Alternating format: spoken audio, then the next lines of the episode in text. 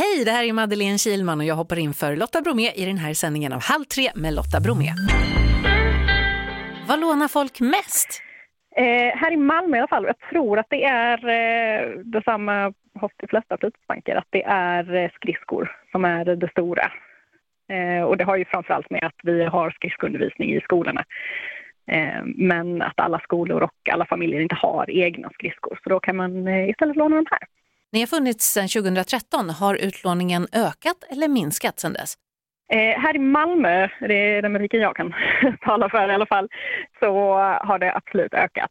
Eh, vi har sett en ökning i alla fall de senaste tre åren på runt 30 procent eh, gentemot föregående år. Eh, och det ser ut att bli något liknande även detta året. Det är både bra för plånboken och eh, även bra för miljön. Så det, det finns ju få nackdelar med hela konceptet. Behöver man lånekort eller hur bär man sig åt? Nej, det behöver man inte. Utan eh, man tar sig till sin närmaste fritidsbankenbutik och det kan man bara kolla på fritidsbankens hemsida så finns det. Så letar man upp sin närmaste och kollar deras öppettider och eh, sen går man bara dit helt enkelt. För ett lån så behöver man bara eh, säga sitt namn och eh, sitt telefonnummer eller en e-post om man inte har ett svenskt telefonnummer. Men blir ni aldrig av med grejer då?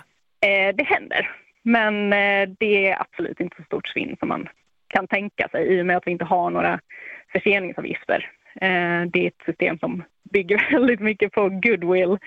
Det är helt gratis, det är begagnad utrustning och eh, ibland går den sönder, ibland kommer den inte tillbaka. Men då vet vi i alla fall att den används och det är vårt stora mål.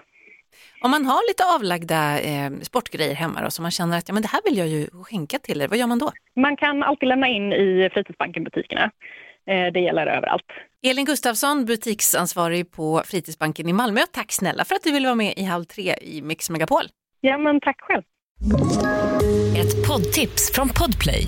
I fallen jag aldrig glömmer djupdyker Hasse Aro i arbetet bakom några av Sveriges mest uppseendeväckande brottsutredningar.